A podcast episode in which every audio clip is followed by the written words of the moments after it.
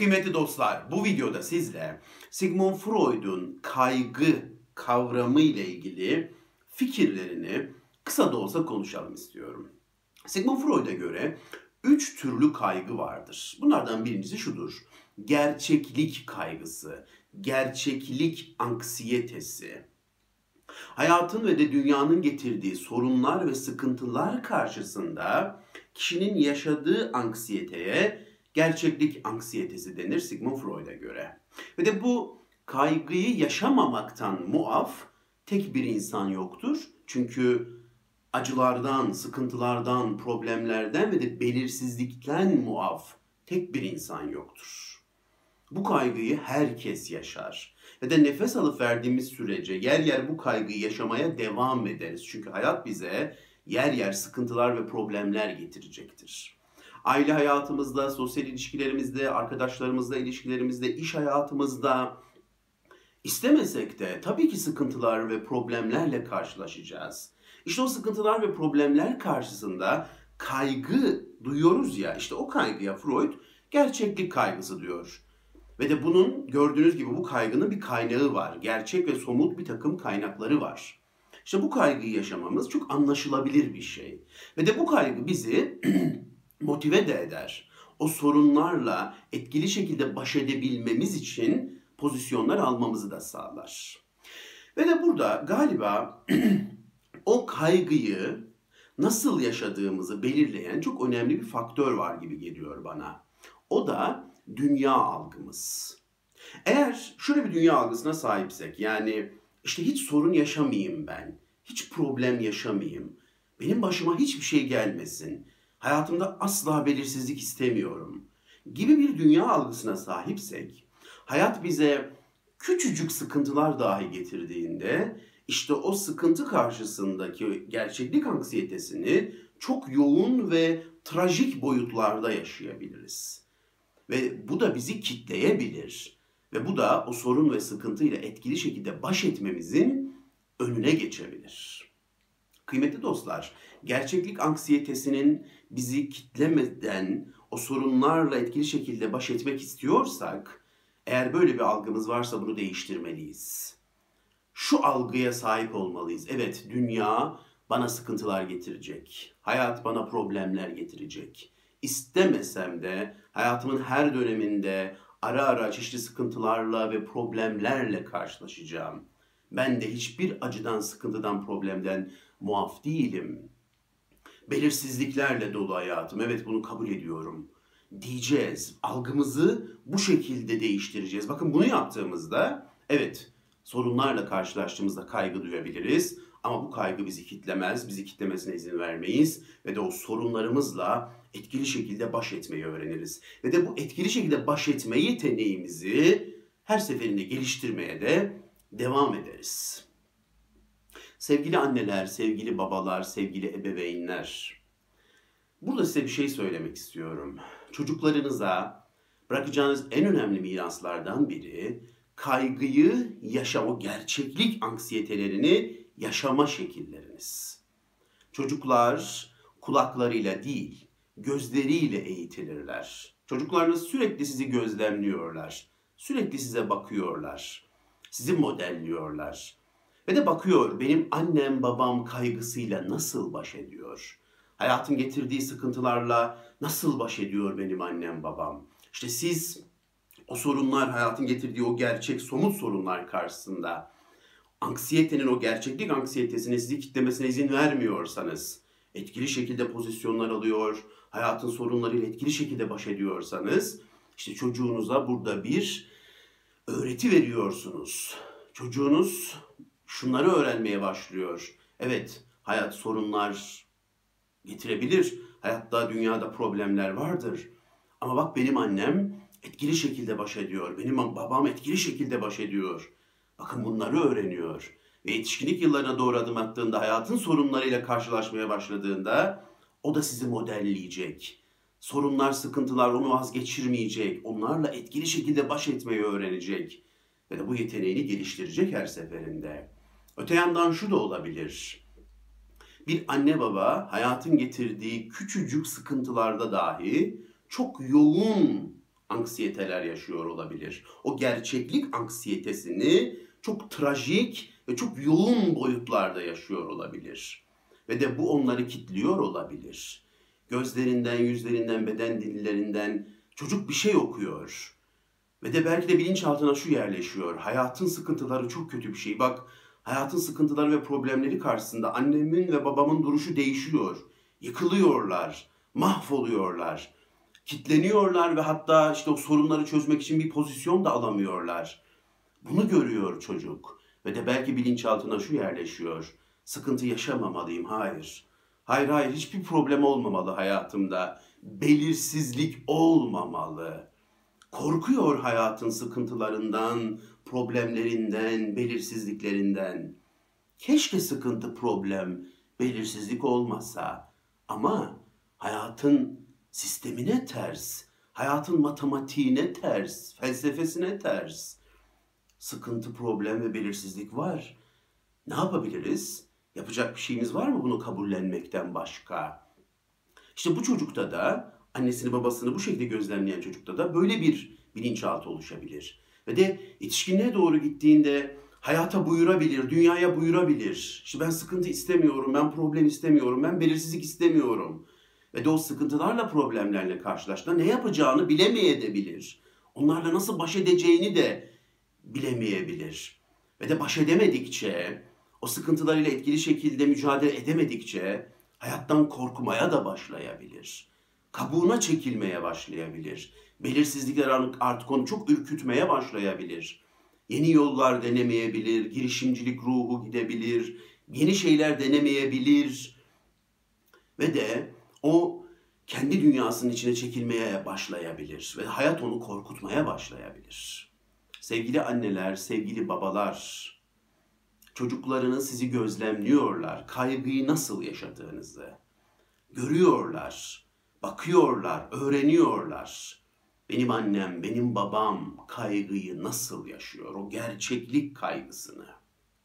Tabi bu arada annelerimiz, babalarımız, ebeveynlerimiz o gerçeklik kaygısını çok başarılı şekilde yaşayamamış diyelim, yaşayamadı diyelim ve bize de kaygıyla nasıl baş edeceğimizle ilgili o öğretiler yerleşmedi diyelim.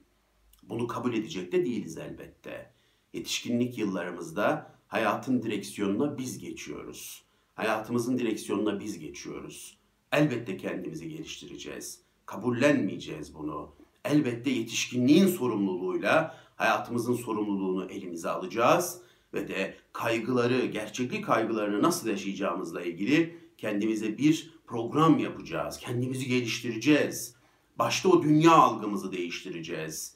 Hayat sıkıntılarla ve problemlerle dolu bir yerdir ve ben de payıma düşen sıkıntıları ve problemleri yaşayabilirim. Bir kere bu algıyı değiştireceğiz ve sonra hayata karışacak, karışacak sıkıntılarla, problemlerle karşılaştıkça onlarla etkili şekilde baş ede ede bu yeteneğimizi de geliştireceğiz. Yani kaygıyı yaşama şeklini öğrenemedim diye hayattan vazgeçemeyiz. Hayatımızın sorumluluğunu da elbette ellerimize alacağız. Anne babalara da böyle bir ekstra bir şey söylemek istedim. Gerçeklik kaygısını nasıl yaşadığınızı bir gözden geçirin derim sevgili dostlar. Geçelim Sigmund Freud'un kaygı kavramında ikinci kaygı türüne. O da şudur. Nevrotik kaygılar, nevrotik anksiyete. Bu kaygı nevrotik rahatsızlıklarda yaşanan kaygıdır. İşte yaygın anksiyete bozukluğunda, panik bozuklukta, fobilerde, takıntılarda yaşanan kaygılara biz nevrotik anksiyete diyoruz. Ve de bu arada Sigmund Freud nevrotik anksiyeteleri üçe ayırmıştır. Bunlardan birincisi şudur, bağlantısız anksiyete. Freud diyor ki bağlantısız anksiyete durumunda kişi her daim kaygılıdır. İşleri yolunda gitse de, görünürde somut bir problem olmasa da kişi kaygılıdır. Kişi sürekli tedirgindir. Başına bir şey gelecekmiş duygusu içerisindedir. Diken üstündedir. Hiçbir zaman gevşeyemez. Gözlerinden, yüzünden, beden dilinden o kaygının genel resmini görürsünüz der. Hep kaygılıdır ve de rüyalarında, kabuslarda da kaygı yaşar. Genel kaygı durumu buna bağlantısız anksiyete diyor Sigmund Freud. İkinci saydığı tür, nevrotik anksiyetenin ikinci türü fobik anksiyeteler. İşte kişinin bir nesne veya durum karşısında yaşadığı yoğun duyguya, yoğun kaygıya fobik anksiyete diyor Freud. İşte fobiler bu gruptadır. Bu arada hemen şunu söyleyeyim. Fobilerin tedavisinde kullanılan en etkili yöntem maruz bırakma yöntemidir. Kişi korktuğu nesne veya duruma maruz kalır. Maruz kalır, maruz kalır. Ondan kaçmak ve kaçınmak bir tarafa bırakılır. Tam aksine maruz bırakılır o korktuğu nesne veya duruma. Maruz kalır, maruz kalır ve de bu şekilde sistematik şekilde maruz bırakılır ve de bu şekilde yaşadığı o yoğun korkuların azalması amaçlanır. Nevrotik anksiyetede Freud'un saydığı üçüncü türde panik nöbetleridir. Burada kişinin bir nesne veya durum karşısında yaşadığı korkuyla o nesne ve durum arasında hiçbir bağlantı yoktur. Hiçbir bağlantı yoktur. Bu da üçüncü e, saydığı türdür. Yani fobilerde bağlantıyı biraz anlayabiliriz. İşte bir köpek fobisinin bir bağlantısı olduğunu kısmen anlayabiliriz yani. O abartılı bir korkudur yine ama o fobiyi biraz anlayabiliriz ama üçüncüsünde panik nöbetlerinde korkulan nesne veya durumla e, o korku duygusu arasındaki, o yoğun korku duygusu arasındaki bağlantının hiç olmadığını söylüyor Freud. Geçelim Freud'un, ha bu arada şunu söyleyeyim, nevrotik anksiyetelerin kökenlerinde bilinçaltı çatışmaları olabileceğini söyler Freud. Bilinçaltı çatışmaları nevrotik anksiyeteleri besliyor olabilir der. Bunu da hemen ekleyeyim. Bu konu üzerinde de çokça durmuştur danışanlarıyla konuşurken. Geçelim üçüncü kaygı türüne. Freud'un tanımladığı üçüncü kaygı türü de şudur. Vicdani anksiyete. Sevgili dostlar, biz belli bir yaşa gelene kadar, yetişkinlik yıllarımıza gelene kadar birçok şey öğreniriz. Hayatla ilgili, nasıl yaşamamız gerektiğiyle ilgili birçok şey öğreniriz. Böyle bir kurallar sistemi oluşur bizde. Böyle bir değerler sistemi oluşur. Ve de bu kurallar sistemini oluşturan bazı faktörler vardır. Bunlardan biri mesela Tanrı inancıdır. Diğeri din inancıdır. Ailemizin dini yaşantısıdır. Ailemizin kültürüdür. Ailemizin e, hayata yaklaşım tarzlarıdır. İşte mahalle kültürümüz, sokak kültürümüz, e, örflerimiz, ananelerimiz, geleneklerimiz, göreneklerimiz vesaire vesaire. Bunlar yavaş yavaş bizde bir kurallar silsilesi oluşturur. Bir değerler silsilesi oluşturur. İşte buna Sigmund Freud süper ego diyordu. İşte vicdani anksiyeteyi de şöyle tanımlıyor. Süper egonuza ters hareket ettiğiniz durumlarda vicdani anksiyete yaşayabilirsiniz diyor Freud.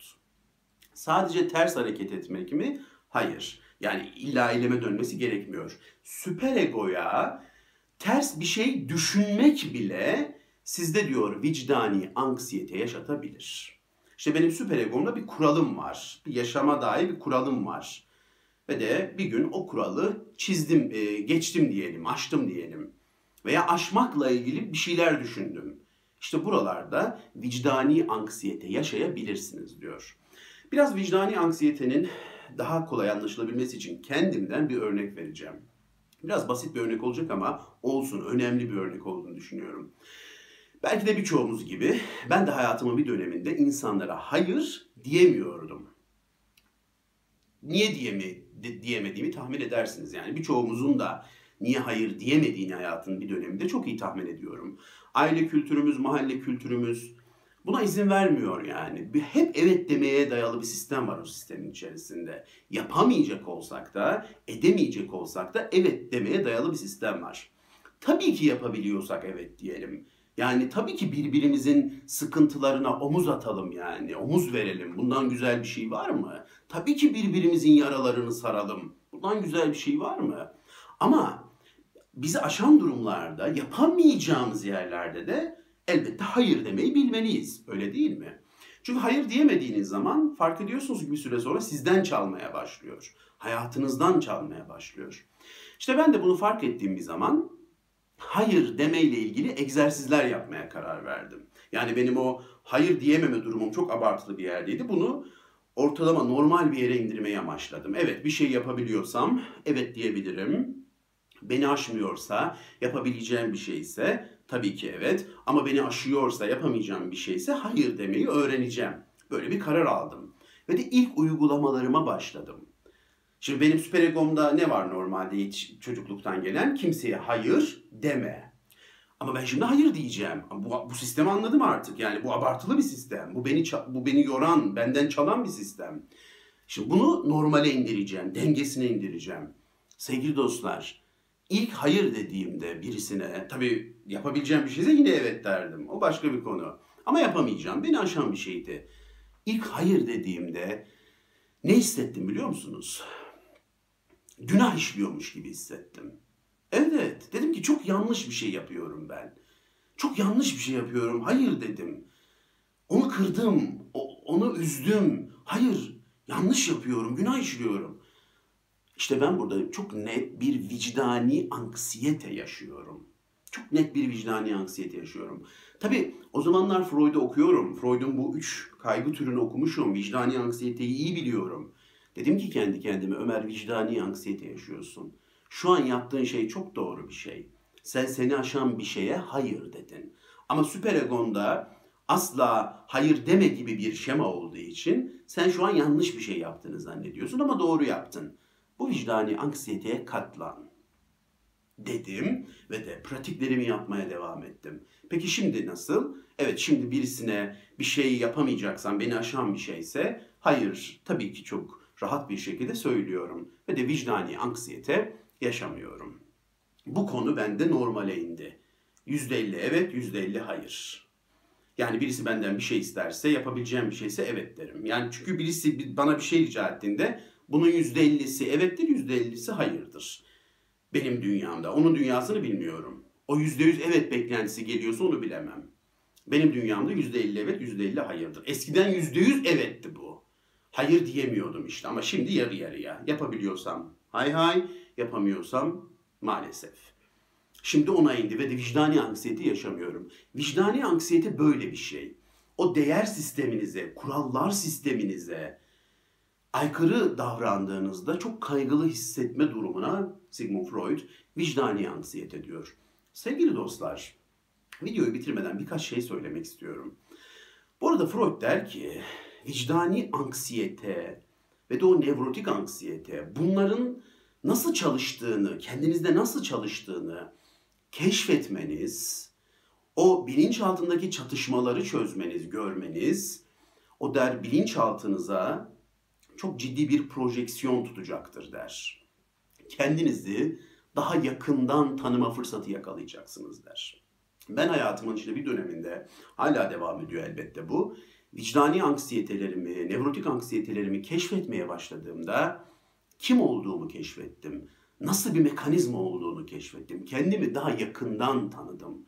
Geçmişimi daha kolay tanımlayabildim. Neden bazı duyguları yoğun yaşadığımı, neden vicdani anksiyetelerim olduğunu daha iyi anladım. Ve onları çözdükçe, onları çözdükçe diyorum ya kendimi ve bilinçaltı sistemimi daha yakından görme fırsatım oldu. İşte Freud diyor ki vicdani anksiyetelerinizin ve de nevrotik anksiyetelerinizin nasıl çalıştığını görmeniz bilinçaltınıza bir projeksiyon tutacaktır diyor yani. Çok önemlidir, çok önemli bir konudur. Ve de bunlar e, diyorum ya bizim bilinçaltımızı daha yakından tanıma fırsatı da sunmuş olur bize.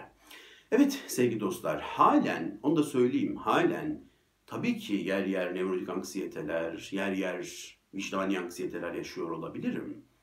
Ve hala mekanizmaları çözüyorum. Hala kendimle ilgili bir şeyler yakalıyorum yani. Ve bu devam ediyor.